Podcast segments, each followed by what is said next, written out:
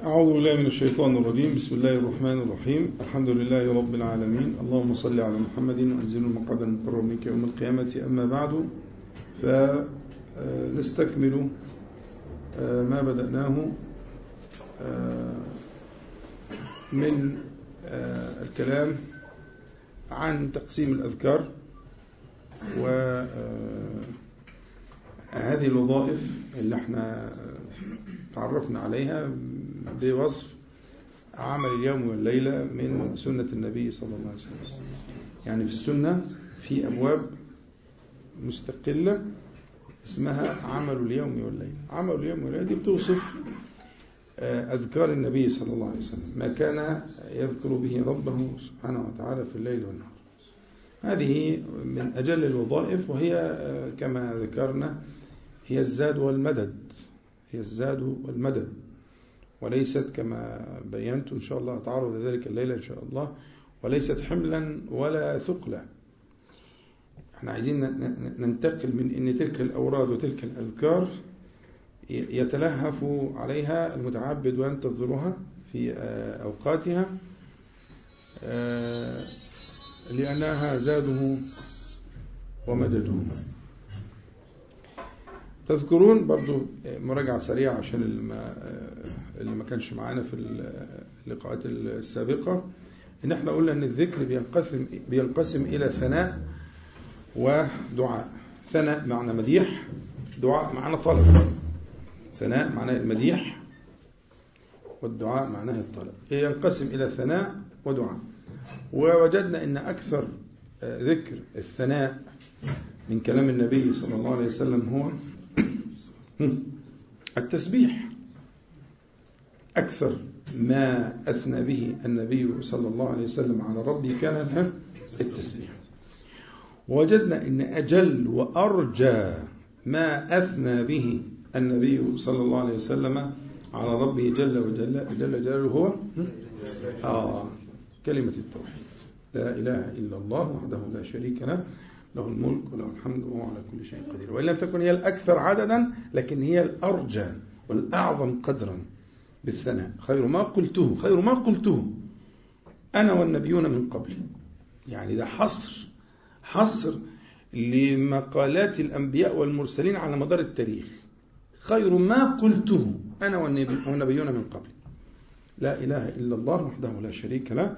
له الملك وله الحمد وعلى كل شيء قدير. هذا من جهة الإيه؟ الثناء. طيب من جهة الدعاء بمعنى الطلب. وجدنا أكثر طلب من جهة العدد. طلبه النبي صلى الله عليه وسلم من ربه هو الاستغفار.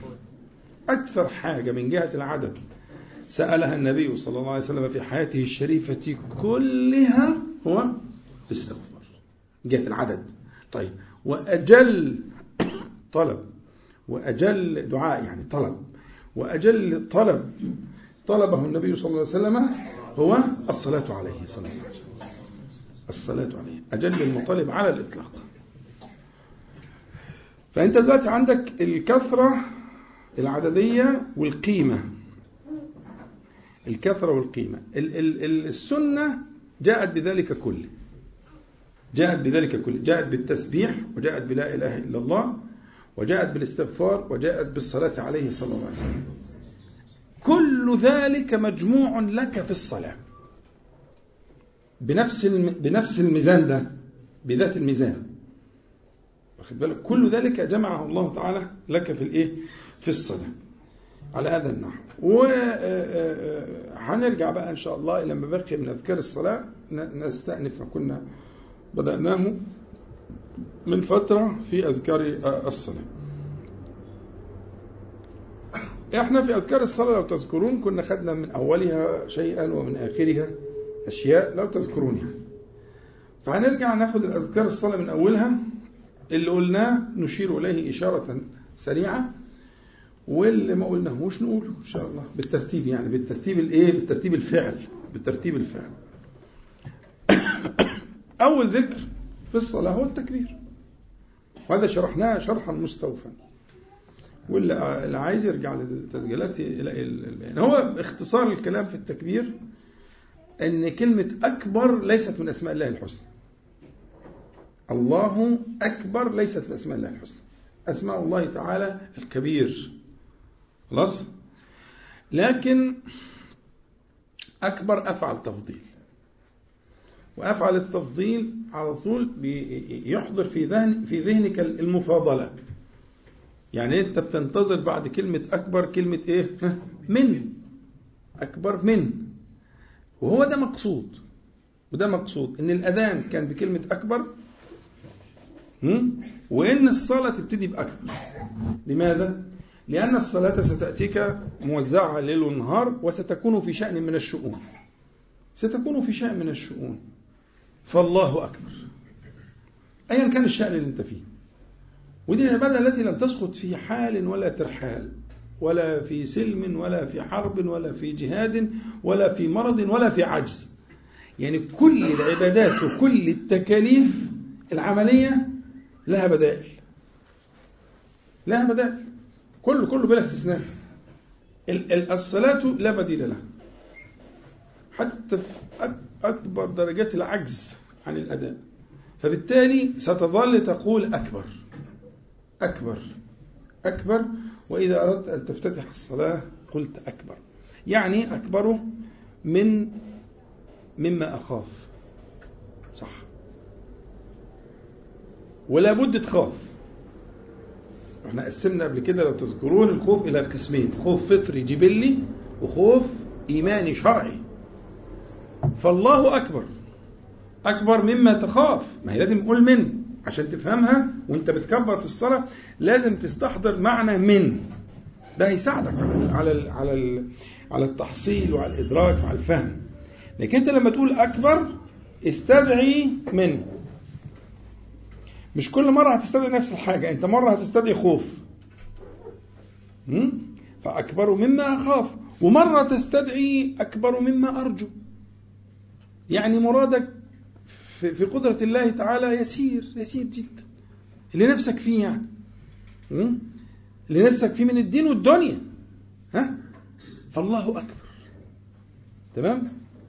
طيب الله أكبر مما تعاني من المشاكل النفسية والاجتماعية والمالية والأسرية والعائلية والولد ومثلا الأهل والبتاع في عقد. الله أكبر. جميلة. أنت لو لو مع التكبير استحضرت هذا المعنى فبكل تكبيرة وما أكثر التكبيرات. يعني الانتقال فيه تكبير. واخد بالك؟ يعني أنت عمال تكبر تكبر. طب ليه الانتقال فيه تكبير؟ ليه عمال تكبر تكبر؟ حتى في الانتقال يعني أنت بتكبر في مفتتح الصلاة ممكن نفهم. يعني إنك أنت سايب الدنيا ورايح للصلاة. ماشي ممكن أفهمها. لكن طب ليه في الانتقال بتكبر؟ ويستمر التكبير معك بعدد كبير. عشان تستحضر المعنى ده. لأن هيجي على بالك وأنت بتصلي شوارد كتير. مما تخاف ومما تحب ومما ترجو ومن الأشياء اللي معقدك في عيشتك ومن العقد اللي في حياتك والحاجات اللي يأست من نفسك فيها. على فكرة اليأس من النفس ده بداية جميلة جدا عشان لا ترى إلا الله. يعني مش وحش. لما تيأس من نفسك إنك أنت مش قد كده أو ما تعرفش تعمل كده ده مفترق طريق. تمشي في طريق الله تعالى فترى أن الله سبحانه وتعالى أكبر من هذه الأشياء فتنتقل نقلة نوعية فيبقى التكبير لذيذ. تتلذذ بالتكبير. فاهمين عايز إيه؟ يعني أنا عايز أنا عايز أتلذذ بالتكبير. مع كل تكبيرة هتستحضر. اللي يجي على بالك واللي بيجي على بالك كتير أصلا أنتوا بتخشوا الصلاة الدنيا كلها بتروح متزاحمة في, في أذهانكم. يعني مش أنا مش هقول لك هات الدنيا هي جاية جاية يعني هي جاية جاية. بس أنا عايز أخ... عايز أستخدمها الاستخدام الصحيح. طالما جاية جاية فكل ما تجي لك قول لها إيه؟ الله أكبر. كل ما تجي لك قول لها الله أكبر. جميلة. بقت بقى في حوار. بين هذا التداعي على أذهانكم في الصلاة وبين ما ينطق به لسانك. تقوم تقول لي إيه للحاجة اللي جاية تقول لها إيه؟ الله أكبر. حاجة تخيفك؟ الله أكبر. حاجة ترجوها ومش طايلها؟ الله أكبر. مشكلة أو عقدة أو مرض أو أو أو إلى آخره؟ الله أكبر. الله أكبر. فدي بداية الحل. ولذلك ولذلك شرعت الصلاة هكذا تبدأ به بهذه العبارة. هذه الجملة مبتدأ وخبر. بس متعلق أكبر محذوف. اللي هو أكبر من محذوف. عشان يتسع لكل ما يرد على قلبك. لكل ما يرد على قلبك. جمال مفيش بعد كده. جمال والله. بس تعيشه. وتدخل في تلك المجاهدة مع كل تكبيرة تستدعي شيئا أو يكون قد استدعى بالفعل. يشغلك فتقول له أنت ترد عليه ها؟ تقول له الله أكبر. مظبوط؟ تمام. وترجعوا برضو التسجيلات فيها يعني يعني توسع وشرح وإن شاء الله يبقى في يعني موضوع الموقع ده هيسهل المهم في البحث يعني. بعد التكبير مباشرة ما كانش القرآن ما كانش الفاتحة. بعد التكبير في حاجتين. في حاجتين بعد التكبير. قبل ما تشرع في الركن لأن الفاتحة ركن. الفاتحة ركن والتكبير ركن. ما بين هذا الركن وذاك الركن في حاجة. في حاجات بينهم. فإيه الحاجات اللي هتبقى تنقلني من ركن لركن؟ من ركن التكبير على المعنى اللي إحنا شرحناه؟ إلى ركن الفاتحة وما أجل الفاتحة. أعظم سورة في القرآن الكريم. تمام؟ الانتقال من من هذا الركن لذاك الركن يحملك إليه أشياء. هتحملك من ركن لركن. أول الأشياء دي حاجة اسمها دعاء الاستفتاح. تاني الأشياء دي حاجة اسمها الاستعاذة. حاجتين. وبدونهما تذهب بعيدا. صحيح.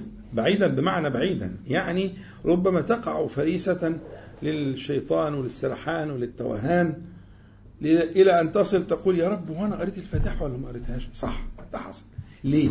سببه إيه؟ سببه أنك أنت ما انتفعتش لا بالتكبير المعنى اللي إحنا قلناه وما انتفعتش بهذه الوسائط اعتبرها يعني إيه؟ مواصلة. طيارة مواصلة رقية يعني. طائرة تطير بك من التكبير إلى الإيه؟ إلى الفاتحة. ما انتفعتش.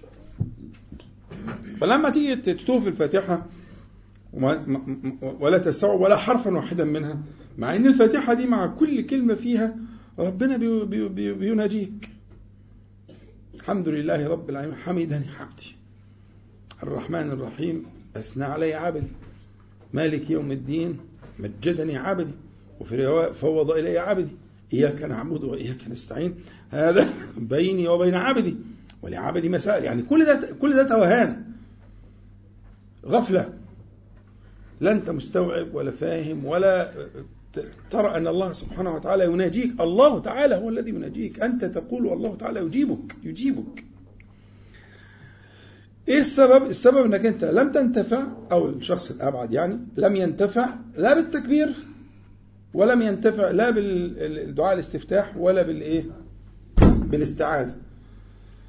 وطبعا الاستعاذة لها مقام مقام خاص جدا لما نوصلها إن شاء الله نشرح بإذن الله. فادعيات الاستفتاح كتير الصحيحة الواردة بأسانيد صحيحة عن النبي عليه الصلاة والسلام كتير. لكن أغلبها طويلة أغلبها طويلة وأغلبها مروية عن النبي عليه الصلاة والسلام في في صلاة النوافل وفي صلاة الليل الأدعية الطويلة دي لكن الأدعية اللي هي بتتقال في الفرائض أو إذا كان أراد أن يخفف في النوافل فهي أدعية قليلة من ناحية العدد. قصيرة قليلة. فأشهر الأدعية المتوسطة التي ينبغي ألا يفرط فيها المرء دعاء؟ الدعاء الأول هو قولك بعد ما تقول الله أكبر تقول اللهم باعد بيني وبين خطاياي كما بعدت بين المشرق والمغرب. اللهم نقني من خطاياي كما ينقى الثوب الأبيض من الدنس. اللهم اغسلني من خطاياي بالماء والثلج والبرد. تمام؟ أنا قبل ما نشرح الدعاء أنا عايز أتصور معاك نفسية الشخص اللي بيصلي اللي هو هو في الثلاث كلمات الثلاث عبارات دول هو مشغول بإيه؟ بخطاياه مش كده؟ يعني الجملة الأولى والجملة الثانية والجملة الثالثة عبارة عن شخص مشغول بخطاياه هو سن له ذلك علم ذلك علشان إيه؟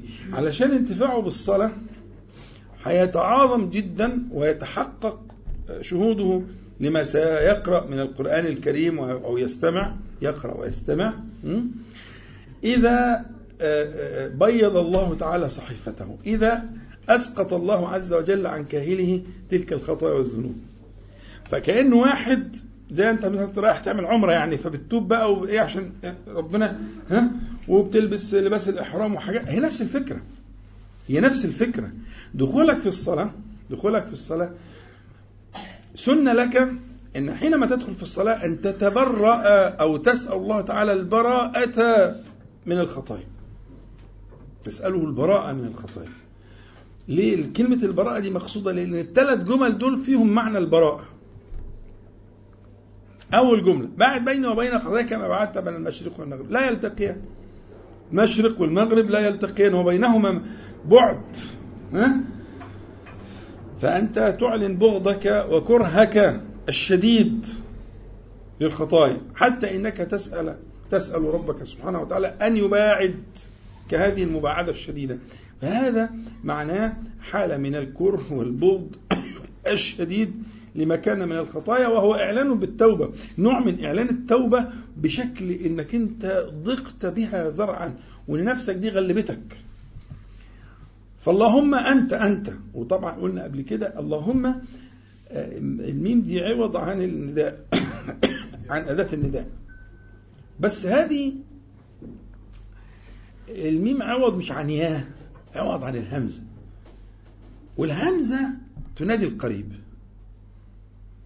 همزة تنادي القريب. إحنا أدوات النداء يعني في نداء مقول يا يبقى يمكن أن يكون بعيدا أو آه، مقامه عالي. لكن الهمزة زي الموضع في سورة الزمر في في قراءة أمن هو قائم. آناء الليل. هي أمن القراءة بتاعتنا. لكن في قراءة صحيحة أمن. أمن هنا معناها يا من هنا دي همزة نداء نداء القريب. قانت آناء الليل. يعني أنت قريب. فالهمزة فهنا الميم الميم عوض عن نداء القريب. فأنت بتقول آه، تنادي ربك آه، إلهك سبحانه وتعالى القريب اللهم. وفيها توسل بالألوهية. غير ما تقول ربي مثلا أو يا ربي أو ربنا. هنا توسل بالربوبية. يعني أنت لما تنادي رب ربك سبحانه وتعالى بالألوهية بتقول اللهم. وتناديه بالربوبية تقول ربنا. فأنت بتستحضر حين النداء أنك تتوسل بهذا اللفظ اللي أنت ذكرته. فإما أن تتوسل بالألوهية وإما تتوسل بالربوبية. وإحنا شرحنا قبل كده قلنا الألوهية ما هو صاعد منك. الألوهية دي فعل العبد. الألوهية فعل العبد. والربوبية فعل الرب سبحانه وتعالى. فالألوهية هي عمل القلب والجوارح من الإيمان والتوكل والإنابة واليقين والإخبات والإخلاص. والرجاء والخوف دي أعمال قلبية كلها دي ألوهيات. أو من أعمال الجوارح. وبنقسم الجوارح للسان وجوارح بيت الجوارح. فالذكر والدعاء والاستغاثة والنداء دي ألوهيات اللسان. وبعدين العطاء والمنع والركوع والسجود والطواف والنحر والجهاد دي عبوديات الإيه؟ بقيه الجوارح. فكل كل ذلك من فالألوهية هي فعل الإيه؟ فعل العبد. والربوبية هي فعل الرب. الإيجاد من العدم والرزق والإحياء والإماتة والشفاء والحفظ والكلى وإلى آخره. فإذا قلت اللهم هتقوله في دعاء الاستفتاح اللهم يعني تنادي إلهك القريب. باختصار انسى احفظها كده. قاعدة إن كلمة اللهم أنت تنادي إلهك الذي وحدته بألوهيته يعني أنت فعلك أنت تتوسل بأفعالك من الأعمال القلب والجوارح تنادي الإله القريب. الميم دي أفادتني معنى القريب. اللهم بعد بيني وبين خطاياي كما بعدت بين المشرق والمغرب بعدا لا يلتقيان أبدا ولا يقدر على ذلك إلا أنت. أنا أسألك ذلك. وبعدين نقني من خطاياي كما ينقى الثوب الأبيض من الدنس نفس الفكرة. واغسلني من خطاياي بالماء والثلج والبرد. كلها حاجات طاهرة. يعني كل الايه احوال الماء الثلاثه احوال الماء الثلاثه إيه بقى الفرق بين الماء والثلج والبرد؟ حد عارف؟ الماء معروف. اظن ده معروف. تمام؟ إيه إيه إيه والثلج لا ما هو عشان تبقى معروف تقول البرد يبقى ما ما. الماء إذا تجمد على الأرض يبقى ثلج. وإذا تجمد في السماء في وهو نازل يبقى برد. يعني إذا كان هو الماء نازل من السماء فكان فيه درجة من البرودة فتحول إلى ثلج وينزل على شكل كرات وحاجات زي كده. شفتوا الحاجات دي أكيد طبعا هي نادرة في بلادنا بس موجودة يعني فهو البرد الذي ينزل ثلجا والثلج يعني أحوال الماء الثلاثة سواء في حالة السيولة أو في حالة التجمد على الأرض أو التجمد في السماء ففي كل أحواله أنت تطلب النقاء. تطلب النقاء. أن ينقي الله عز وجل صحيفتك. وربنا تعالى يقول وقال ربكم ادعوني أستجب لكم. يعني أنت فعلا لو حضر قلبك في الثلاث جمل دول انتهت. ربنا يجيبك. يعني انت هتبدي صفحة جديدة يعني بعد التكبير هتبدي صفحة جديدة. صفحة قد بيضها الله تعالى. بيضها بهذه الصورة بهذا بهذا السؤال اللي انت اتعلمته باعد بيني وبين خطاياي كما بعدت بين المشرق والمغرب. نقني من خطاياي كما ينقى الثوب الأبيض من الدنس اغسلني من خطاياي والتكرار التكرار ثلاث مرات بثلاث صيغ مختلفة يدل على حالتك النفسية الكره الشديد والخوف البالغ من من تلك الخطايا. لأن كل السواد اللي أنت عايشه سبب الخطايا دي. فكل ما تخش تدخل الصلاة. ستستفتح تلك الصلاة. يعني اسمها استفتاح عشان كده. تستفتح تلك الصلاة بسؤال الله عز وجل أن يبيض الصحيفة. فابيضت الصحيفة. فزي ما بقول يعني باللغة الدارجة. إحنا بنصفر العداد مع كل تكبيرة إحرام ممكن؟ لا مش ممكن. ده أكيد. لو حضر قلبك يقينا. ربك لا يجرب. وعده لا يخلف. سبحانه وتعالى. تتوضأ وتحسن الوضوء. وتكبر بالمعنى اللي إحنا قلناه. وتقول الثلاث أدايا دول صفرنا العداد. بيض الله تعالى الصحائف. كما ينقى الثوب الأبيض من الدنس. ما فيش فيها خدش. صحائف الخطايا بيضها الله تعالى. هنا بقى انتفاعك بالذكر يرجى أن يكون أعظم. يعني بعد معنى التكبير اللي إحنا قلناه. واخدين بالكم؟ بمعنى الأكبرية الحقيقية. ثم الفرار والبغض الشديد للخطايا.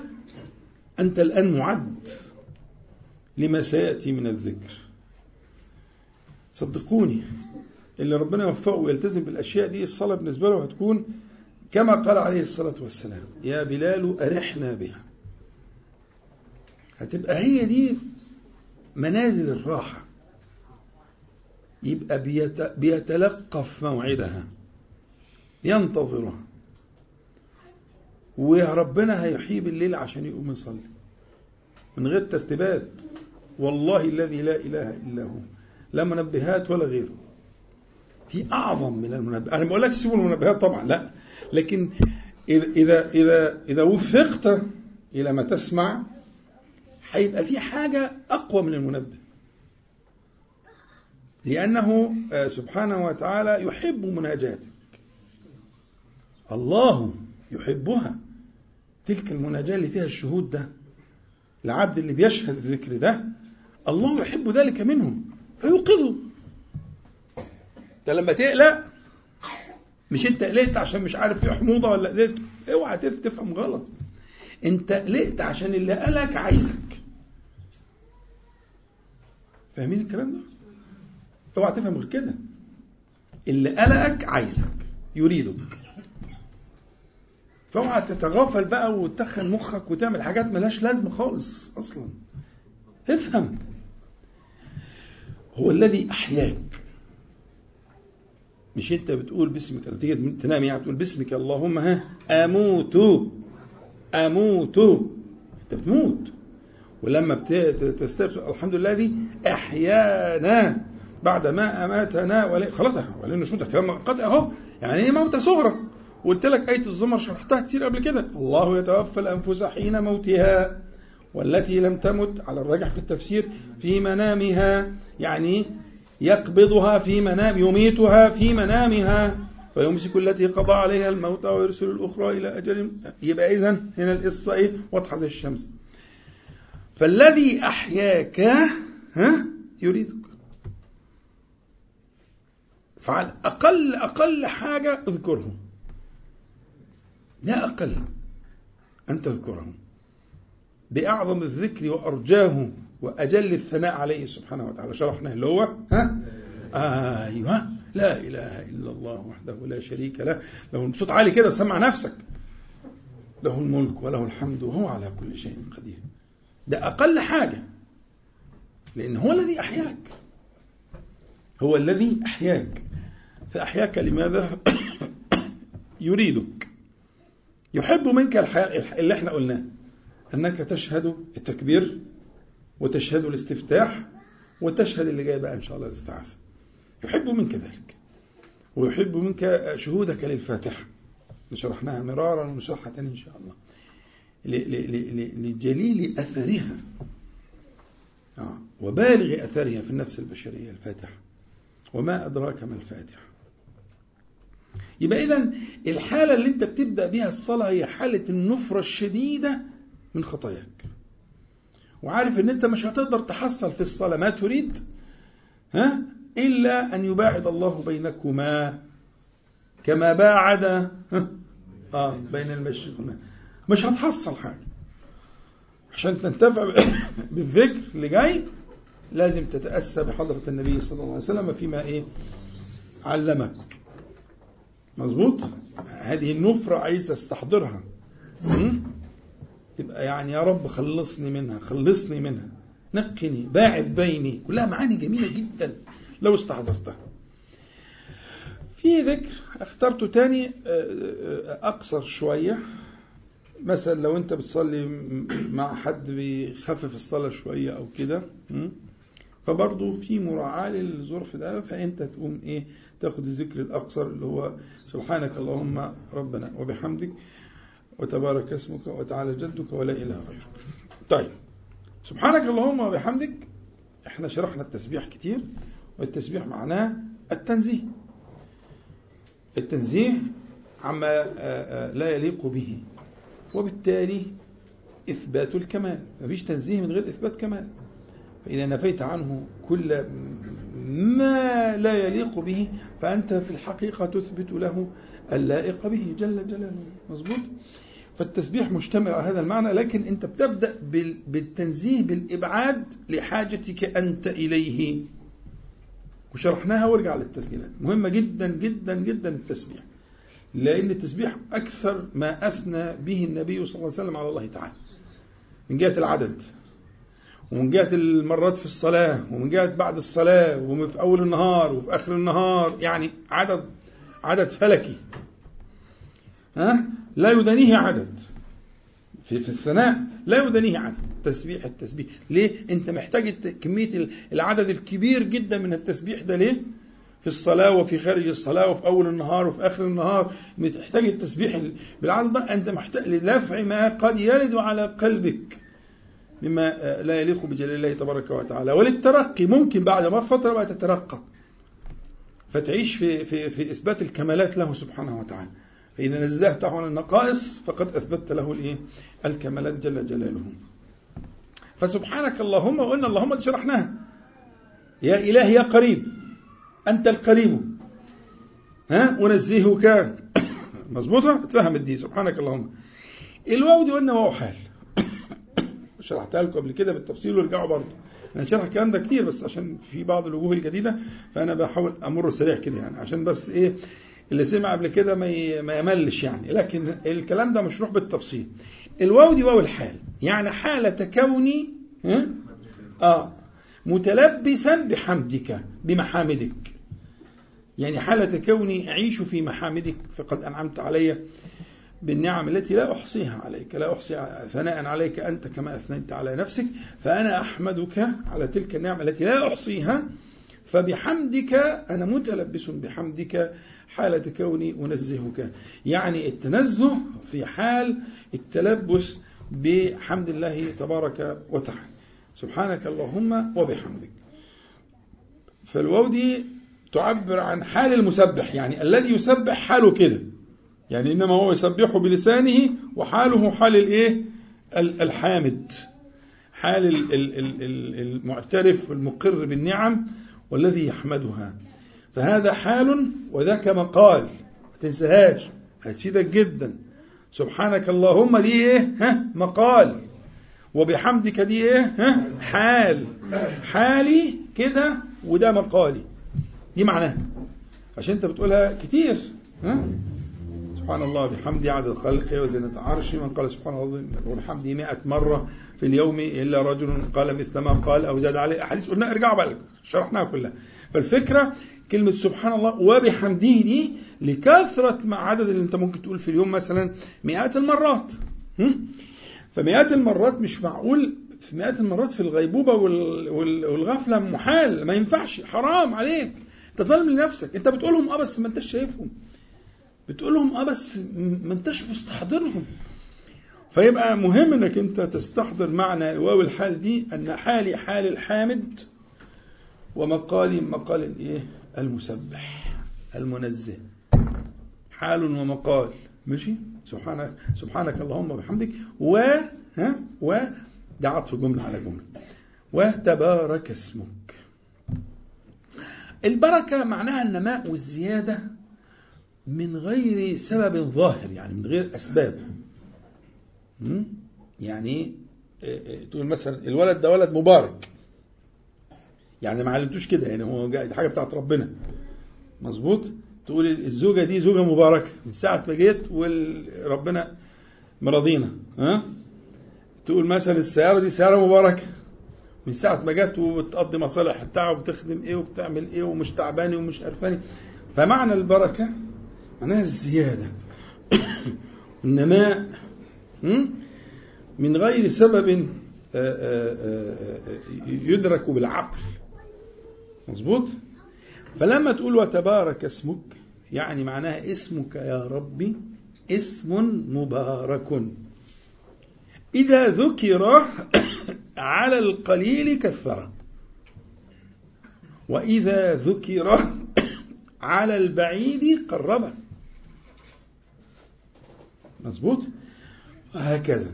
فأنت تقول اسمك يا ربي اسمه فإذا قلت ذكرت اسم الله تبارك وتعالى على الأكل فبارك الله فيه على الفعل فكل عمل لم يبدأ باسم الله فهو أبتر.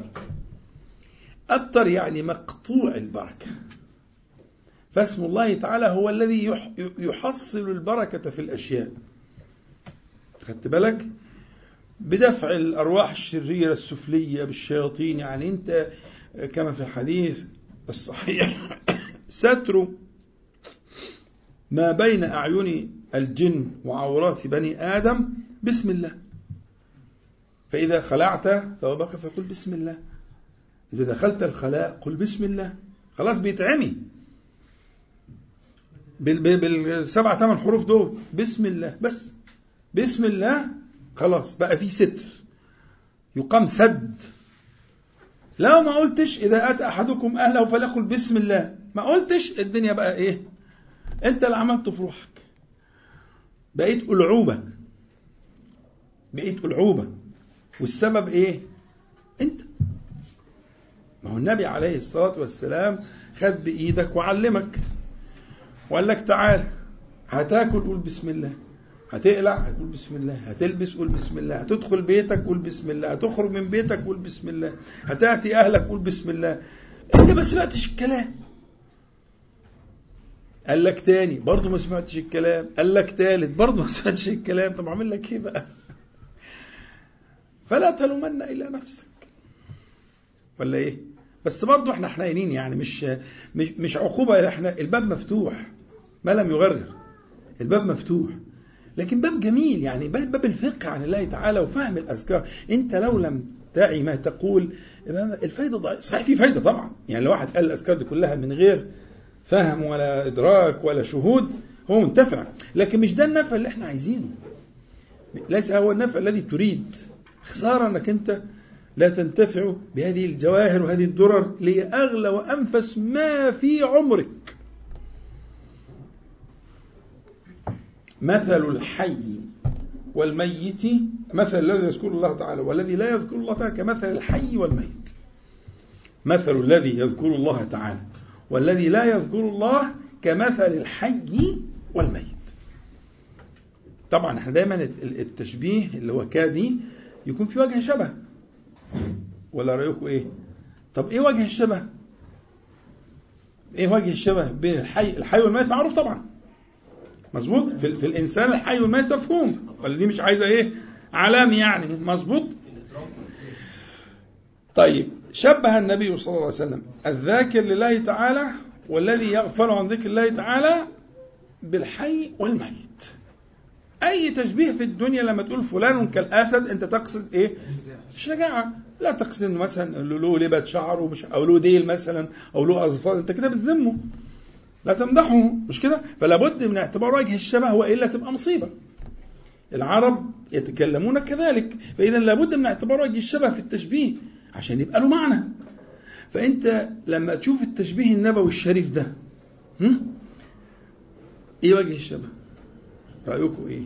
الذي فيه حياة والذي غير. آه يعني إيه؟ الشديد يعني. طيب يعني. صلوا على حضرة النبي صلى الله عليه وسلم. هو الميت بنعمل فيه إيه؟ مش كده؟ مش إحنا عندنا في العامية بنقول إكرام الميت دفنه هو ده بالظبط. ده أول وجه شبه. إن حظ صاحبنا الدفن. كحظ الميت. يعني لا قيمة له. بل بالعكس أن توريه التراب ده أشرف له وأكرم له عشان ما ريحته ما تطلعش. لأن الغافل عن ذكر الله تعالى ريحته هتطلع. واخد بالك؟ وتشبيه يعني تشبيه بالغ الدقة في أن هذا القلب كأنه مات وحقه أن يورى التراب. الغافل عن ذكر الله تعالى حقه أن يورى التراب. لأن لو سبناه شوية ريحته هتطلع. ريحته هتطلع في التصرفات اللي هي بعيدة عن ذكر الله سبحانه وتعالى. فالحكاية يعني أنت محتاج لهذا الذكر حاجتك للنفس للحياة. هذا التشبيه النبوي يعني الذكر هو الذي يحييك يحيي قلبك يعني. والقلوب الغافلة عن ذكر الله تعالى عاذنا الله وإياكم هي قلوب ميتة. ها؟ فحياة قلبك بذكر الله سبحانه وتعالى كما قال عليه الصلاة والسلام. مظبوط؟ تمام. يبقى إذا اسمك يا ربي تبارك اسمك. اسمك يا ربي اسم مبارك. إذا ذكر على القليل كثره وعلى القوي على الضعيف قواه. وعلى البعيد قربه. هو ده بقى المعنى. وكل مرة يرد على قلبك مما تشتهي. من بعيد تريد أن يقربه الله تعالى. من ضعيف تريد أن يقويه الله سبحانه وتعالى. من قليل تريد أن يكثره الله عز وجل. باب مفتوح زي ما قلت لك قبل كده. خليك ناصح يعني التكبير ده كنز. والله الذي لا إله إلا هو التكبير كنز من الكنوز. إن أحسنته. ارجع للشرح. ونفس الكلام في في اسم الله تعالى المبارك وتبارك اسمك. على هذا المعنى سبحانك اللهم وبحمدك وتبارك اسم- اسمك وتعالى جدك. الجد معناه ال ال ال الجاه. الملك السؤدد آه، الحظ. فكل ذلك لله تبارك وتعالى على النحو الأتم الأكمل. وما كان من الجد لغيره فهو آه، يعني مشترك لفظي ملوش حقيقة. لأن أنت بتقول مثلا بالنسبة لجد المخلوق بتقول إيه؟ بتقول في إن شاء الله نقولها في ذكر الرفع من الركوع آه، ربنا ولك الحمد حمدا كثيرا طيبا مباركا فيه ملء السماوات وملء الأرض وملء ما شئت من شيء بعده أهل الثناء والمجد أحق ما قال العبد وكلنا لك عبد. اللهم لا مانع لما أعطيت ولا معطي لما منعت ولا ينفع ذا الجد منك الجد. ذا الجد يعني صاحب الجد من الخلق يعني. ففي جد للخلق اللي هو الجاه والمنصب والبتاع والكلام ده? لا ينفعه. عندك لا ينفع ذلك. لا ينفع إلا ما قبلت من العمل الصالح من ذكر الله تعالى والعمل الصالح. تمام؟ فالجد ممكن يكون للمخلوق لكن الجد على الحقيقة اللي هو الجاه والسلطان والسؤدد والحظ هو لله عز وجل. وذلك تقول تعالى جدك. نعم. تعالى زي الملك الملك ملوك الأرض. ولذلك يقول لمن الملك اليوم؟ كان في ملك قبل كده صح. كان في ملك. بس اشتراك لفظي. ملك غير حقيقي. لأن الملك الحقيقي أو ممكن بكسر الميم الملك الحقيقي أو الملك الحقيقي له شرط. ألا يزول عن صاحبه وألا يزول صاحبه عنه. هو ده الحقيقي. فكل ملك وكل ملك دون ملك الله عز وجل وملك الله عز وجل إما أن يزول عنه صاحبه وإما أن يزول عن صاحبه. مظبوط؟ لكن الملك الذي لا يزول عن صاحبه ولا يزول عنه صاحبه أبدا هو ملك الله تعالى وملكه جل جلاله. عشان كده هو ده الملك على الحقيقة. آه على الحقيقة. لا يزول عن صاحبه أبدا. ولذلك سيقول هو سبحانه وتعالى هو هو هو هو جل جلاله. ويسمعوا كل المجرمين اللي في التاريخ من أول ابني آدم? إلى قيام الساعة. كلهم مرصوصين كده. وينادي فيهم سبحانه وتعالى لمن الملك اليوم؟ فين بقى المت... أين المتجبرون والجبارون والمتعاظمون وال... واللي افتروا على الخلق واللي ظلموا واللي عملوا واللي سووا يقول لهم لمن الملك اليوم؟ لله الواحد القهار. يبقى وتعالى جدك فهمناها؟ ولا إله غيرك. يعني لا معبود بحق سواك. وإن العبودية مدارها على الذل والانقياد. الذل والانقياد. وهي سحق لما في النفس. من العلو والكبر ومن الطمع. العبودية هي الحاجة اللي بتسحق ما في النفس البشرية. من ال... لأن إحنا إحنا مجبولين على كده وابتلينا بكده. واللي ما عندوش كده يبقى مش طبيعي. الخلق الطبيعي في الإنسان أن يكون عنده طمع وعنده آمال وعنده رغبة في أنه يكوش ويحوش وكل حاجة. غير أوش دي كده كتير. هو كده مع كلنا كده. تيجي العبادة تهذب الأشياء دي وتطحنها طحن كده.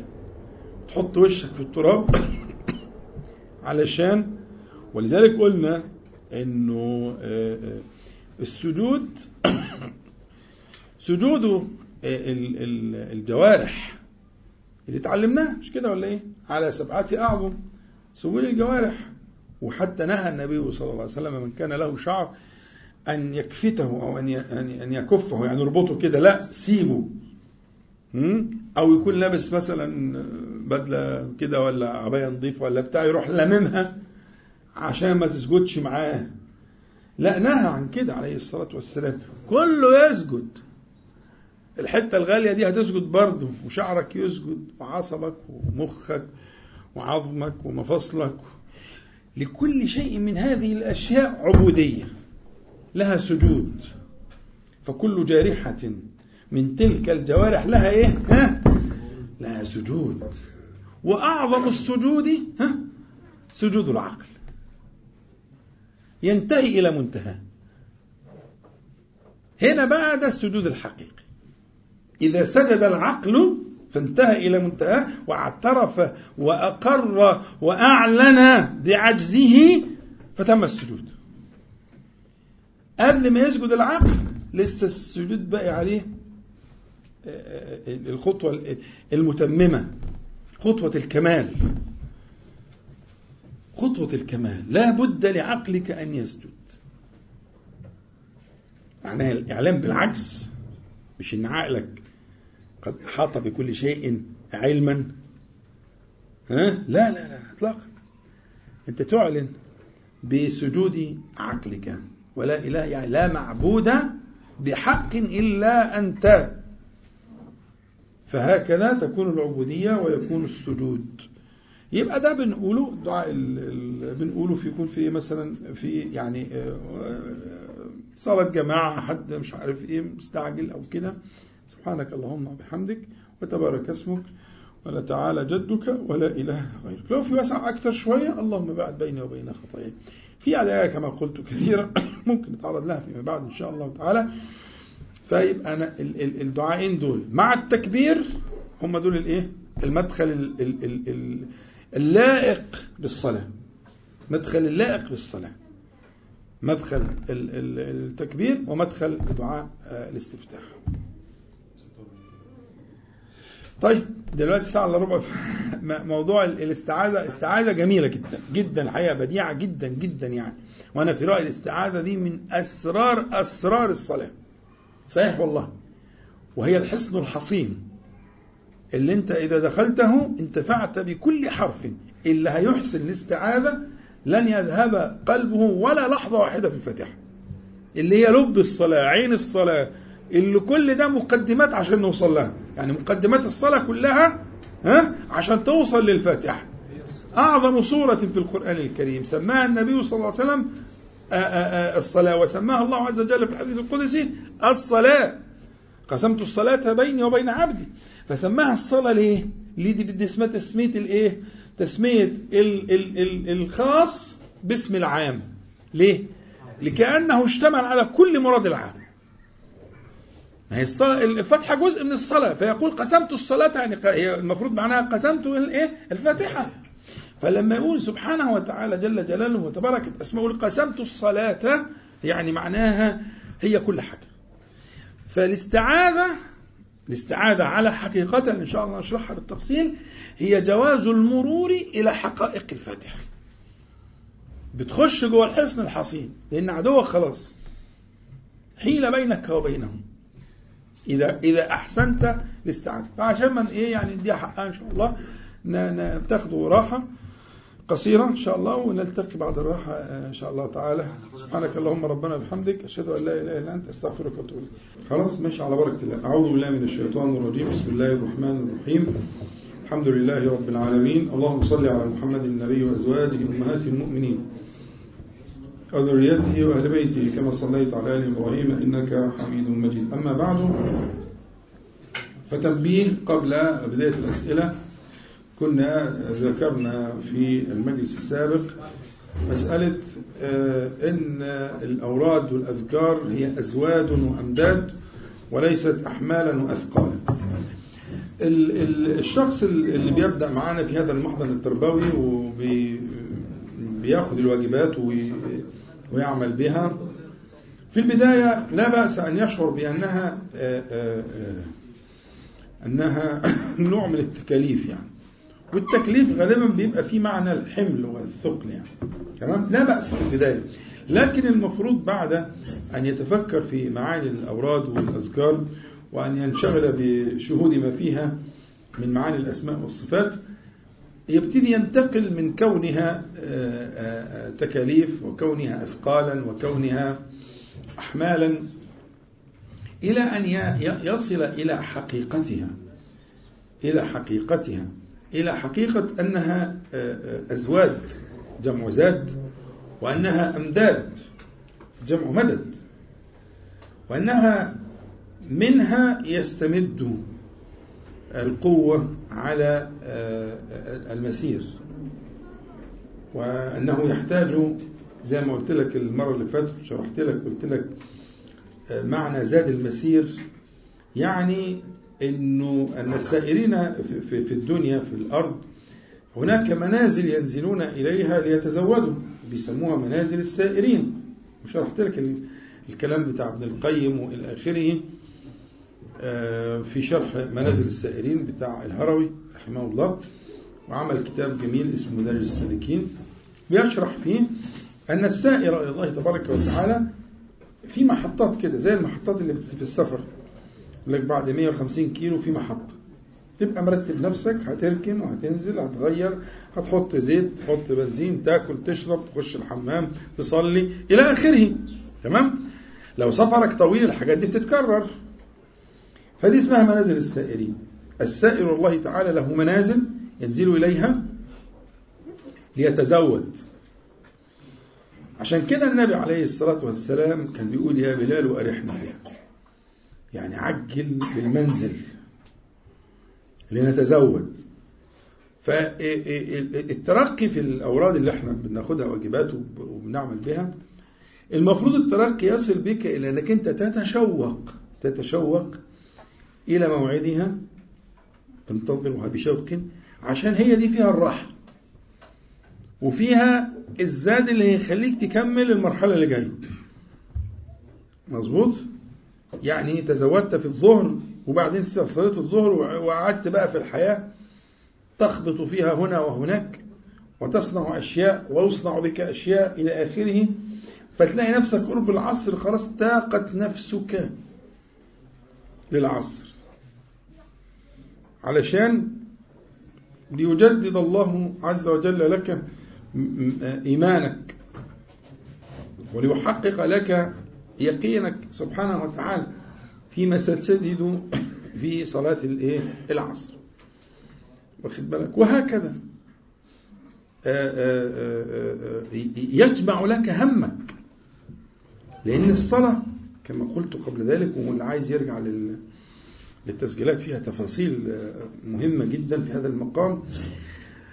الصلاة فيها جمع للهم والدنيا فيها تفريق. ولا بد من ذلك. اوعى تفتكر إن في استغناء. لا بد أن تتفرق الهموم في الدنيا ثم تأتي الصلاة لجمعها. ثم تخرج إلى الدنيا فتتفرق همومك. ثم تأتي الصلاة لجمعها. وهكذا. هذا لابد منه. أمر لابد منه. بس تبقى أنت نظرتك للصلاة ونظرتك لموعد الذكر ونظرتك لصلاة السنة. لذلك قلت لك أنت تلحظ أن صلاة السنة في الصلوات النهارية أكبر بكتير جدا من الصلوات الليلية يعني أربعا قبل الظهر وأربعا بعدها حرم الله جسده على النار. حديث صحيح أم المؤمنين. إلى آخر الإيه وأربع قبل العصر وإن كانت ليست من الرواتب التي لكن كان يصليها صلى الله عليه وسلم. ف... هذا لأنك تحتاج إلى جمع همك.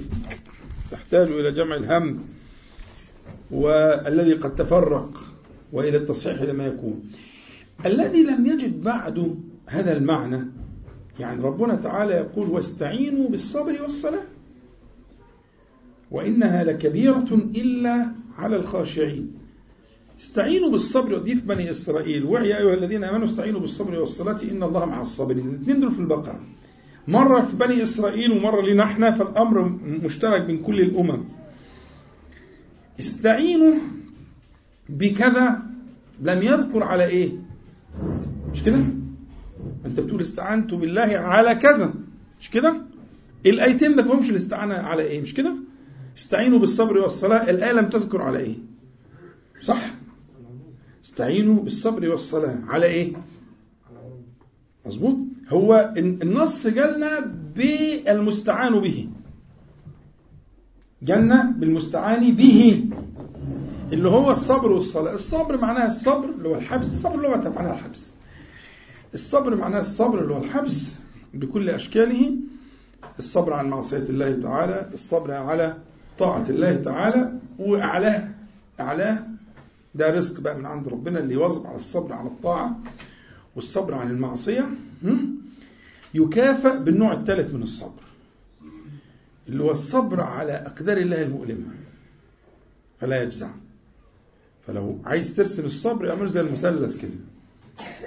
في قاعدة تتدرب عليها اللي هي الصبر على الطاعة والصبر عن المعصية. ده مكنك ربنا من انك انت تعمله. فإذا ما أحسنت في الصبر على الطاعة والصبر عن المعصية كافأك هو سبحانه وتعالى. بالصبر على الأقدار المؤلمة. ولا بد في الحياة الدنيا من قدر مؤلم لازم. هي دار بلاء أصلا. هي دار اختبار. لكن أن يلهمك سبحانه وتعالى الصبر على ما في هذه الحياة الدنيا من الآلام والأوجاع ده بقى رزق. كيف أصل إليه أن أنا لازلت أجاهد في الصبر على الطاعة والصبر عن المعصية. أكف سمعي وبصري ولساني وإلى آخره. ها؟ والصبر على الطاعات أحبس نفسي على ذكر الله سبحانه وتعالى بعد الشروق وقبل الشروق ومش عارف إيه. دي مجاهدات. هذا هذا صبر صبر على الطاعة وصبر عن المعصية. وذلك إعداد لك ولقلبك لتكافئ بالصبر على أقدار الله عز وجل المؤلمة صلوا على النبي صلى الله عليه وسلم. يبقى معنى استعينوا بالصبر ده من الصبر في قال ناس قالوا الصبر الصلاة. عفوا الصبر الصيام تمام؟ فيبقى استعينوا بالصبر والصلاة ده صورة من صور الصبر. فكأنه قال سبحانه وتعالى واستعينوا بالصبر والصلاة يعني واستعينوا بالصيام والصلاة. وده توجيه لطيف ولا بأس به وتوجيه بالخاص بمعنى الخاص لمعنى الصبر. تمام؟ يبقى استعينوا بالصيام وبالصلاة. على إيه؟ قبل ما نقول وإنها لكبيرة على إيه؟ رأيكم على إيه؟ ما في على مش كده ولا إيه؟ أكيد في على. استعنتوا بكذا على كذا. مظبوط؟ ها؟ رأيكم إيه؟ آه يعني أنت تقول إن حذف ده معناها ب آه، آه، آه، تمام؟ طيب يبقى كل واحد فينا سيجد من العوائق التي تعوق سيره ها؟ ما يناسب ذلك عشان كده اتحذفت. لأن في عائق عندك أنت مش عائق عند ده بالنسبة له ولا حاجة بس بالنسبة لك أنت عقبة كؤود وفي عائق عنده هو موقف سيره؟ عندك أنت ولا حاجة ولا يخطر على بالك أصلا تمام فعشان كده حذف هذا المفعول؟ ليأخذ كل مخاطب ما يناسبه من العوائق التي تعترض طريق سيره إلى الله تعالى. يبقى استعينوا بالصبر والصلاة على مجاوزة تلك العقبات التي تعوق سيركم إلى الله تعالى. فبالصبر بمعنى الصبر العام أو بالصبر بمعنى الصيام وبالصلاة تجاوز العقبات. ومن غير لا صبر ولا صلاة يبقى سيظل محجوزا. بتلك العقبات. في الآية بقى بتاعت بني إسرائيل وإنها لكبيرة إلا على الخاشعين. الضمير في إنها له لأنه ليتعدد مرجعه ربما كذا أو كذا لكن من المعاني الجميلة في إنها يعني الاستعانة. يعني وإن الاستعانة بالصبر والصلاة لكبيرة كبيرة فعلا. يعني وما يلقاها إلا الذين صبروا. فعلا. لا يلقى هذا العون والمدد إلا من يعني رضي الله تعالى له ذلك. وإنها يا وإن الاستعانة بالصبر والصلاة اللي هو تبقى الصبر يبقى الصيام والصلاة بالنسبة له هم الملجأ وهم الملاذ.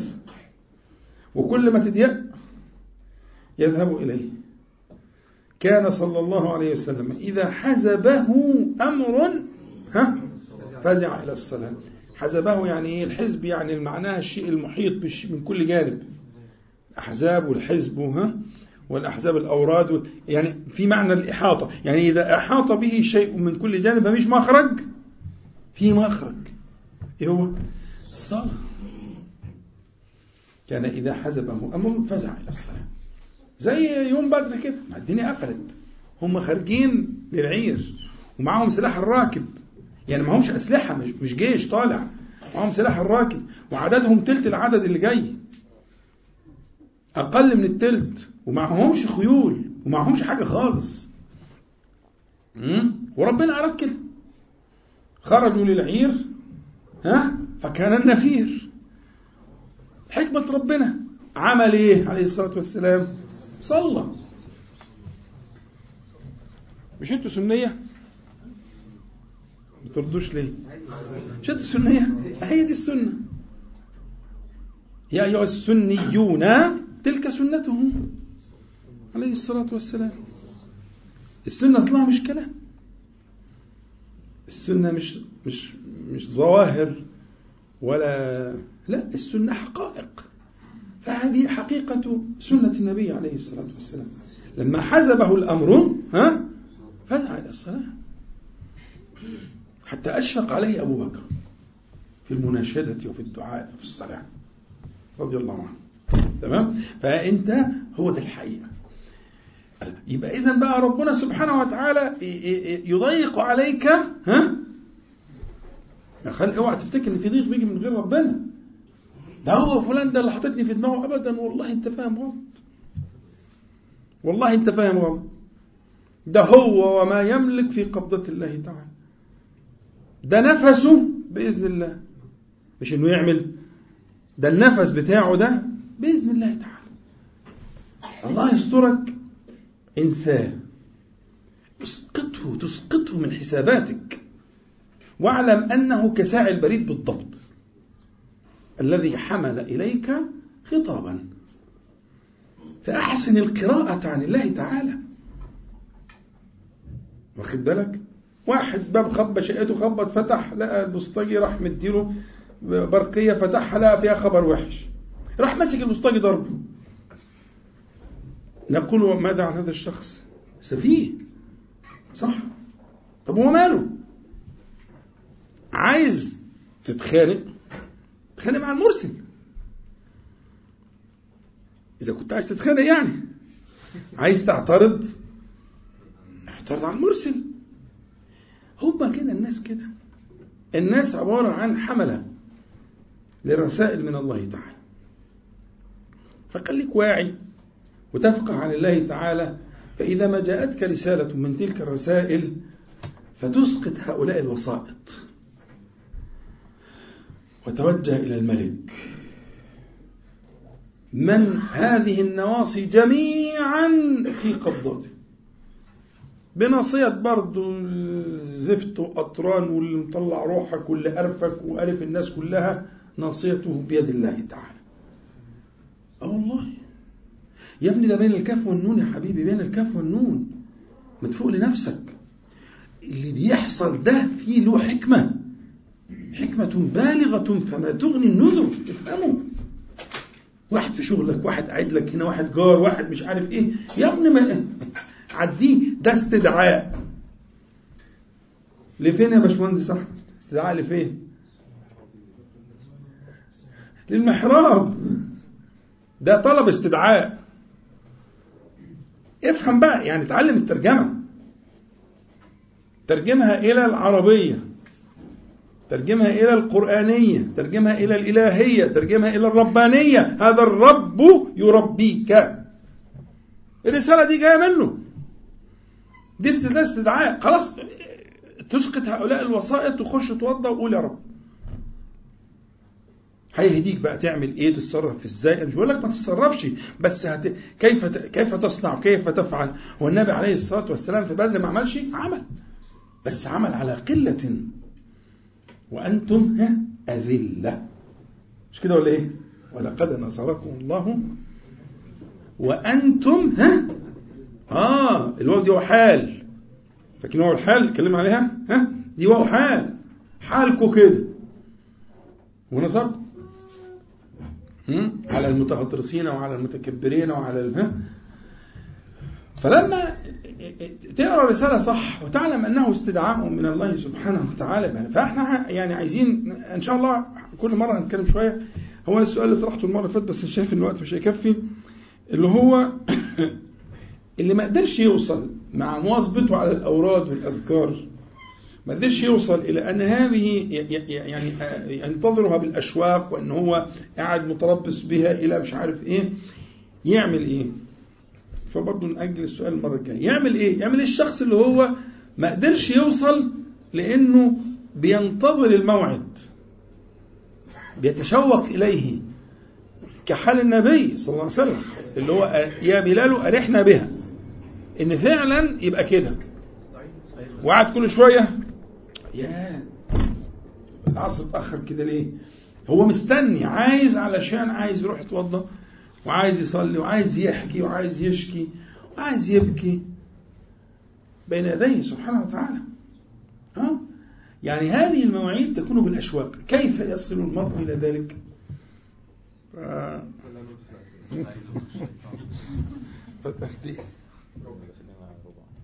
ربع. طب بس عشان في أسئلة وأنا مش عايز آه يعني أ- أ- أزعل الناس اللي إيه اللي بيهتموا بموضوع الأسئلة دي؟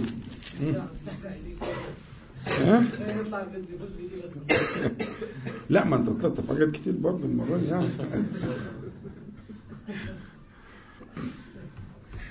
هو الخلاصة بس مش هفصل يعني. الخلاصة صح انت فهمت صح. هي ما كده يا اسلام الخلاصة إنه إحنا قلنا قبل كده ان المحضن التربوي المبارك اللي أنتم بتحضروه ده مبني على فكرة المعارف والسلوك. المعارف انك انت في اشياء بتدركها بأدوات الإدراك. بعقلك ولسانك وعينيك وادوات إدراك يعني تتلقى هذه الأشياء. ففي معارف وفي سلوك مترتب على تلك المعارف. واخد بالك؟ يعني واحد عارف إن مثلا في جاي خطر خطر من جهة معينة هيدور عن أي سكة يجري يعني أو يهرب من الخطر ده. ها؟ فده سلوك ترتب على ها؟ المعرفة.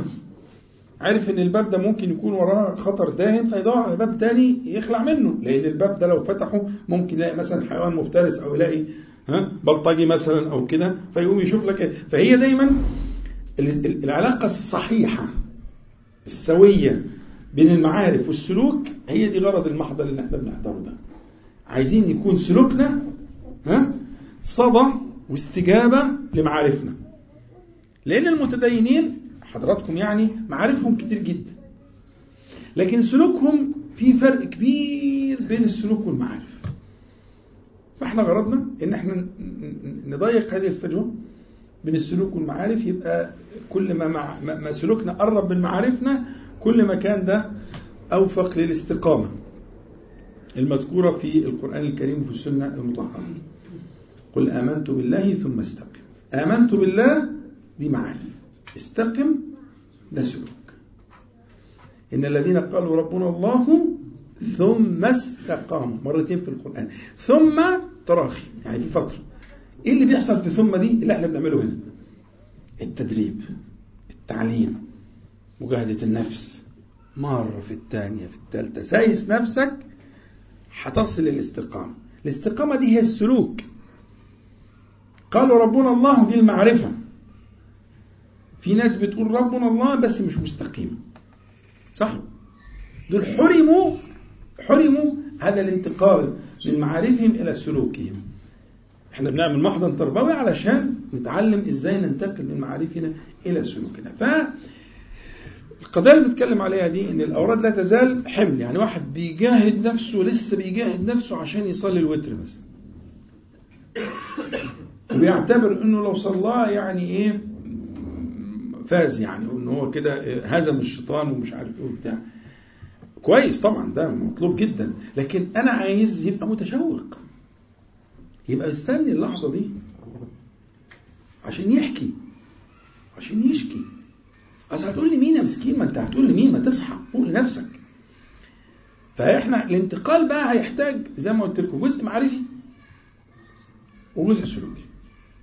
فيعني إن شاء الله إن شاء الله بس الباشمهندس يفكرني المرة الجاية نبدأ بيها قبل أي حاجة. أساس إيه؟ يعني نديها حقها. اللي هي فكرة انتقال آه، من المعارف القوية الجميلة اللي أنتم الحمد لله بتستوعبوها دي إلى سلوك يعني يقيمنا على الجاده إن شاء الله تعالى. اتفقنا؟ تمام.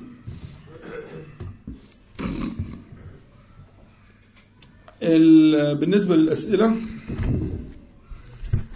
في سؤال بيقول هل ما يعطيه المرء للبعض من المال ليحصل على حقه؟ هل يعتبر ذلك من الرشوة؟ الجواب إن كان هو حقه على الحقيقة يعني بلا شبهة فليس من الرشوة. شرط الرشوة أن آه، يأخذ غير حقه أو أن يأخذ حق غيره. لكن لا تكون الرشوة إذا توصل بهذا المال إلى حقه فهو حقه لكن منع منع من حقه. فإذا حيل بين المرء وبين حقه فدفع شيئا للحصول على حقه أو لتيسير الحصول على حقه فلا بأس. كلنا نتعرض للحاجات دي مثلا تروح المرور عشان تخلص ورقة ولا تعمل مصلحة ولا حاجة. إذا ما حطيتش هتبذل أوقات كتير ومجهود كتير وربما لا تصل إلى ما تريد. فهذا حقك. لكن إن كان حقا لغيرك أو إذا كانت مسابقة مثلا أو إلى آخره فدفعت مالا فهذا حرام وهذا من من الكبائر. لأن من تعريف الكبائر عند بعض أهل العلم الهيثمي كده أنها ما فيه لعن. لعن الله الراشية والمرتشية والواشية بينهما. ففيها لعن يبقى من الكبائر. فإذا كان من حق غيرك فلا, فلا تدفع شيئا وإنه من الكبائر. لكن إن كان حقا وردت أن تأخذه ولا سبيل لك إلا ذلك فادفع ولا شيء عليك إن شاء الله تعالى إذا كان حقا أو حقا من حقوق المسلمين العامة. يعني أنت بتحصل حقا من حقوق الناس. ولا تصل إليه إلا بدفع شيء من ذلك. فهذا أمر محبوب الله تعالى وعليه من الأجور والفضل وهذا كلام جماهير أهل العلم في المذاهب الأربعة. تمام؟ وتدلوا بها إلى الحكام لتأكلوا فريقا من أموال الناس بالإثم يبقى تأخذون من من من حقوق الغير ماشي؟ صلوا على حضرة النبي صلى الله عليه وسلم. في بقى إضافة بس تتحملوني فيها عشان فيها تقيلة شوية. بس تتحملوني فيها. اللي أنت ممكن تقصد يعني أن تعفه بهذا المال. يعني انت بتطلع المال ده مش تقول حار ونار في جتتك وإلهي بالبلد مش عارف إيه والأمراض إيه وكده سواء بلسان الحال أو بلسان المقال ما ما, تغير نيتك. وتقول يمكن ربنا بالقرش القرش المبارك بتاعك ده ربنا يعفه وما يصرفوش على الأمراض والأدوية والأوجاع والأحزان ويصرف على تعليم عياله. وعياله ذنبهم إيه؟ فيعني لو تحملتموني شيئا في هذا المقام فدفعنا هذه الأموال بشيء من نية الإصلاح أو النفع. فيعني ده ارتقاء أعلى شوية. ارتقاء أعلى ولعل يكون فيه الخير إن شاء الله. أصلا هي ظروف البلد صعبة برضه يعني. فلما يكون واحد بيساعد واحد حاسس إن أنت كده كده دافع. أنت عشان تحصل مصلحتك هتدفع. أنا بطلب أنك أنت زينها ها زينها بنية وبقصد. وتعالى على نفسك ودرب روحك. إن ربنا ما يلجأكش إنك تبقى زيه. إن ربنا سبحانه وتعالى ينفعه بالقرش ده. وإن عياله ذنبهم إيه؟ إنه ياخدوا مال سحت وإنك أنت تبقى داعي على المال وقاري عليه عدية ياسين وعامل ال... ليه يا ابني كده؟ طبعا العدية غلط يعني دي أصلا بدعة. واخد بالك؟ يعني عملت مصايب كتير بدعة على مش عارف. ليه كده؟ طب ما تحاول تحسن نيتك وقصدك وتقول يا رب انفعه بيهم. هو وعياله يبقى ضربت عصفورين بحجر واحد. بل عصافير عشان خاطر الشيطان خلاص؟ طيب فليس من الرشوة ده يعني كلام الأئمة وكلام المذاهب وكل حاجة حاجة غلطانة يعني فمش عايز حد يتصور إن هو أبدا إطلاقا. يعني اخدي مصالحك ومصالح الناس وإذا عجبتك الفكرة بتاعتي دي يبقى حطها بقى فوق القصة فتبقى ربما تؤجر ربما تؤجر بالنية الحسنة. وبنية الإصلاح ويبقى القرش الحلال المبارك بتاعك ده ينفع. وينفع عياله وينفع بيته كده يعني. تمام؟ طيب السؤال اللي بعده حساس جدا. بيقول نريد نصيحة للرجال. طبعا مش بيقول ده أكيد هي بتقول يعني. نريد نصيحة للرجال لإحسانهم إلى نسائهم. والكلام على العناد والندية وكسر الخواطر. ده عايز درس. ده. طبعا. بالنسبة لحضرتك أكيد عباده عايز درس. صحيح عايز درس. بس يعني يعني صلوا على النبي عليه الصلاة والسلام. خلاصة الموضوع كله في كلمة واحدة قالها النبي عليه الصلاة والسلام. أنتوا إيه مالكم في إيه؟ أنا على النبي صلى الله عليه وسلم.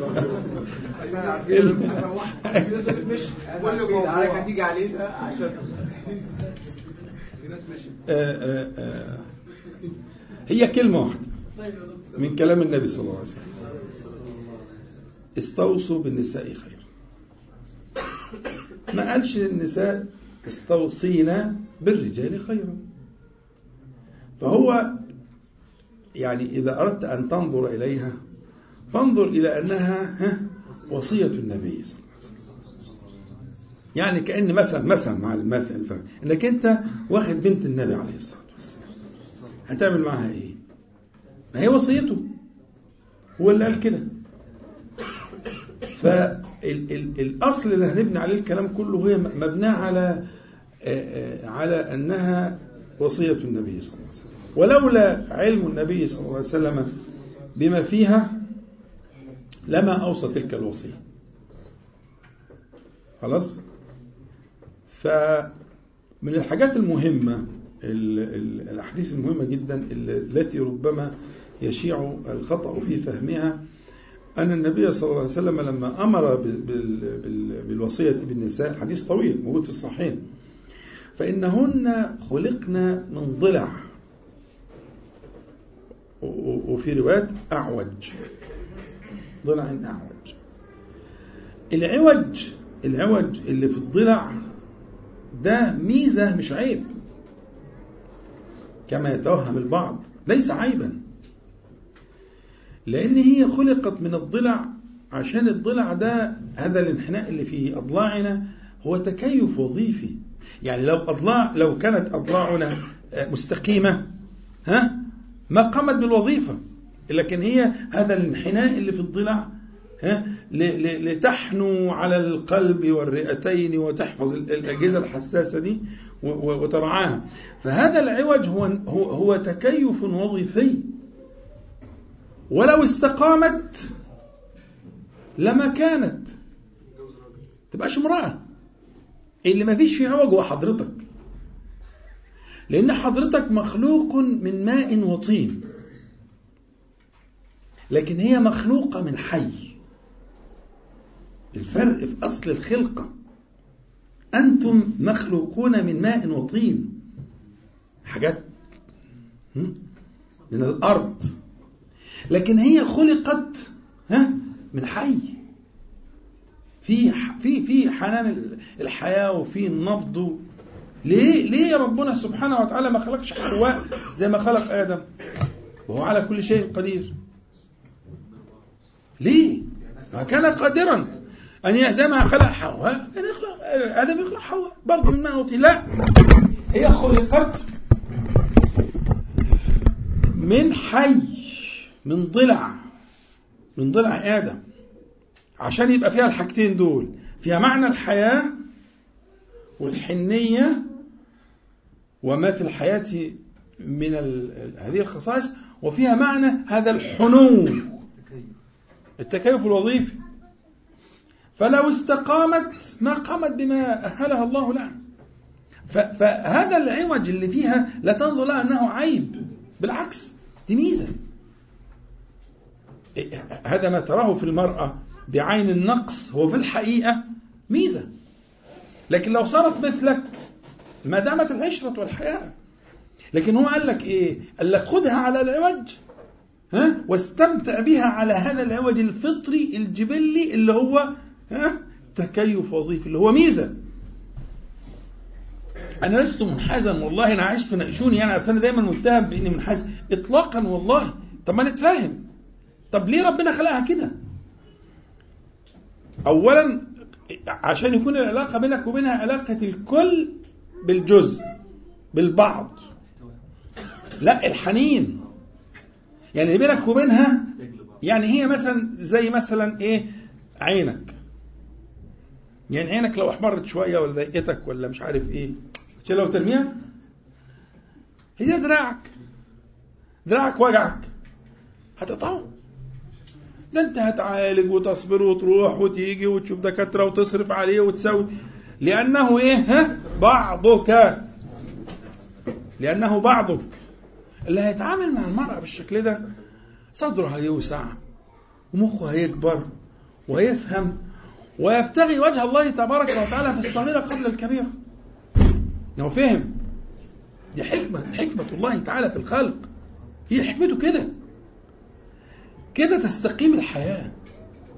لكن حكاية الندية الكلام المكتوب هنا العناد والندية وكسر الخواطر عشان انت اقوى حجة مثلا أو انت مش عارف إيه ولأ ومش عارف إيه ده انت قلت لا لا بالحرف كان ده. إيه ده ده ده تعال تعال عرف بعضه وأعرض عن بعض.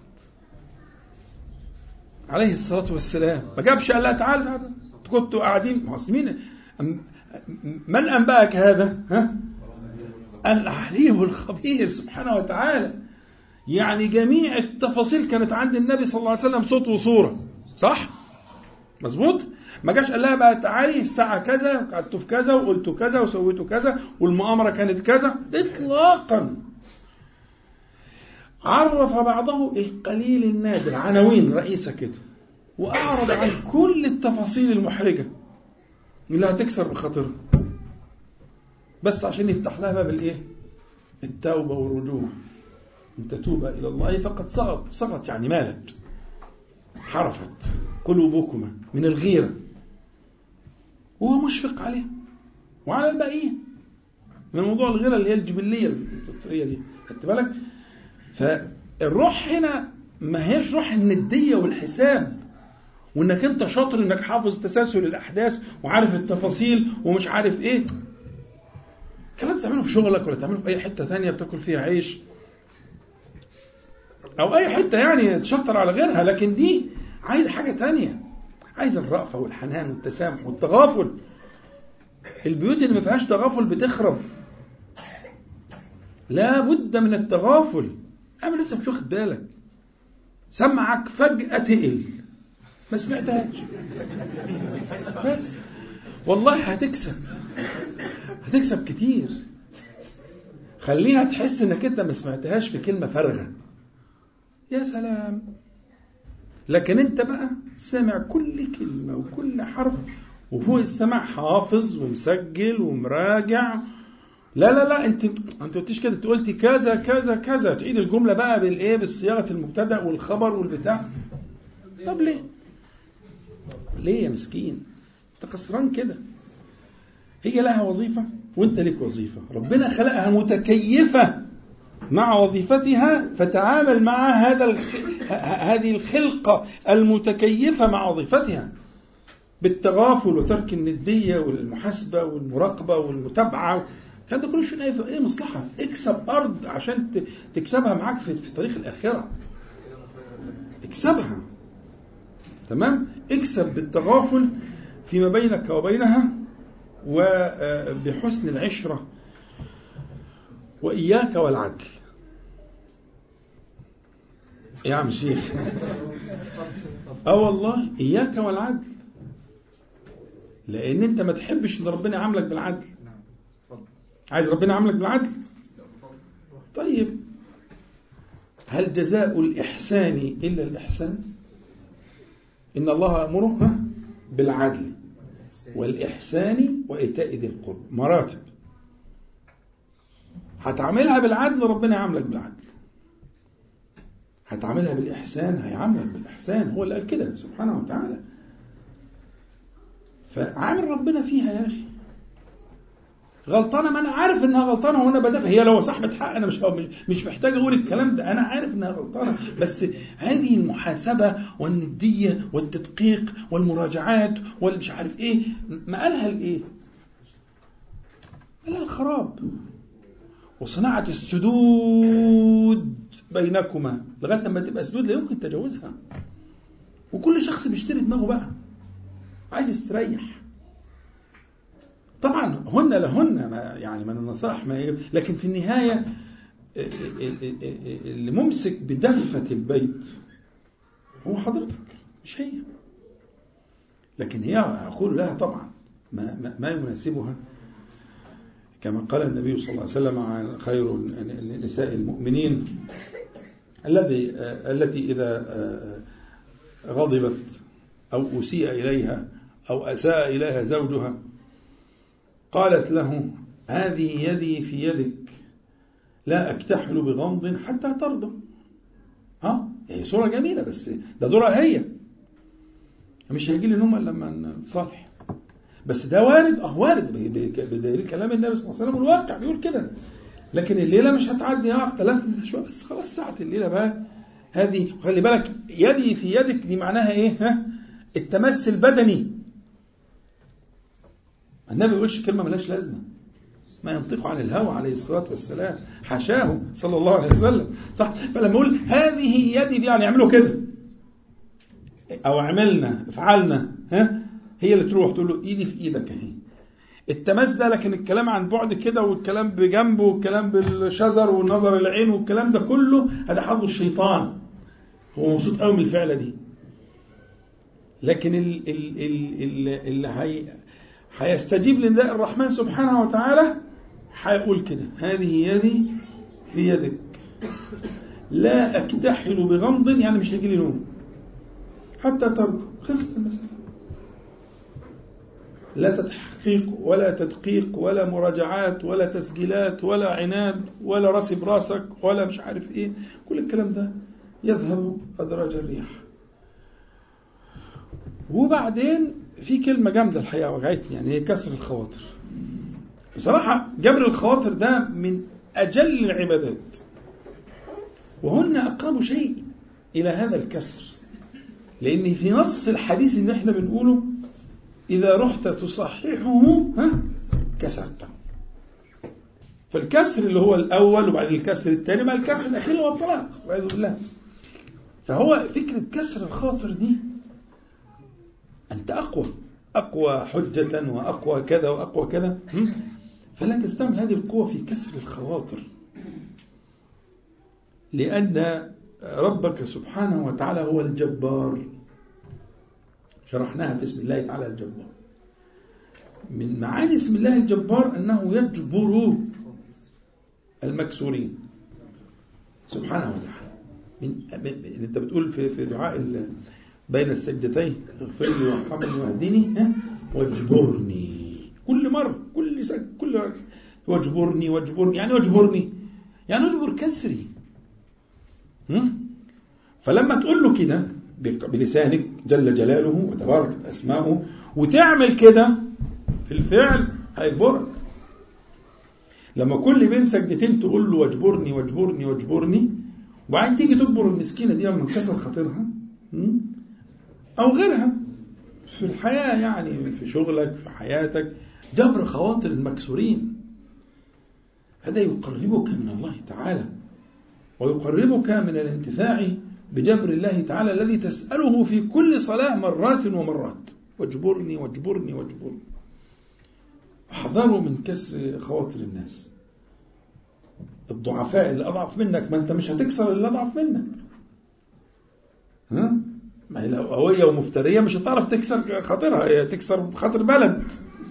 لكن كسر خواطر الضعفاء ده ليس من شيء الرجال مسألة رجولة حتى. هتتشطر شعب ضعيف. لا العكس. أجبر هذا الكسر. وتغافل. واعمل نفسك ما سمعتش وما شفتش. وإن شاء الله يكون في بركة كبيرة جدا من هذه الايه الأشياء. طيب كده إيه؟ في سؤالين. 40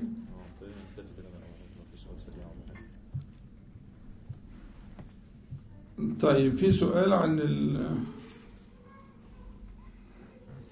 السؤال بتاع الودائع لصالح الشركة مع البنوك وكده ده سؤال مش عام يعني ده سؤال خاص. صاحب السؤال أو صاحبة السؤال يتواصل على ال على الواتس بتاع التليفون بتاعي وأنا إن شاء الله أجاوبه يعني. ده سؤال مش يهمش الناس كلها يعني. لكن سؤال مهم جدا مهم بالنسبة للسائل يعني.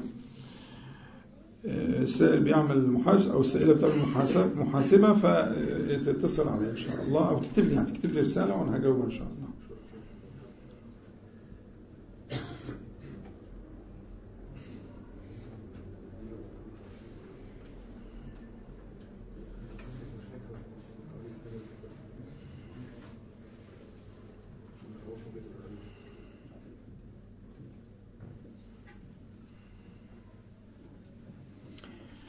مش عارف حاجة غريبة طبعا خدت شوية طلبت order من application معين على البيت أو لأختي على البيت على المنزل ولم أكن في المنزل. يعني طلب والهاتف كان صامت. فلم أسمع المندوب وهو لم يرن الجرس. فمش عارف إيه لغى ال order وقال حاسبني عليه كاملا. وأنا لا أريد الدفع علشان بلنش الجرس فهل هذا حرام؟ برضو دي محتاجة تواصل يعني. أنا مش فاهم التفاصيل قوي. إيه الجرس اللي ملنش مش فاهم قوي. فيعني هذه الاحتكاكات اللي هي بتبقى بين الناس في الحقوق والواجبات وكده. برضو يبقى سؤال يكتبوا على الصفحة الواتس وإن شاء الله نجاوب بإذن الله. نسأل الله العلي القدير أن ينفعنا جميعا بما قلنا وما سمعنا وأن يجعله حجة لنا. لا علينا يا رب العالمين وأن يعيذنا وإياكم وسائر إخواننا من المسلمين والمسلمات من شرور أنفسنا ومن سيئات أعمالنا. اللهم صل على محمد النبي وأزواجه أمهات المؤمنين وذريته وأهل بيته كما صليت على آل إبراهيم إنك حميد مجيد. والحمد لله رب العالمين. نقول جميعا سبحانك اللهم ربنا وبحمدك أشهد أن لا إله إلا أنت أستغفرك وأتوب إليك. السلام عليكم ورحمة الله.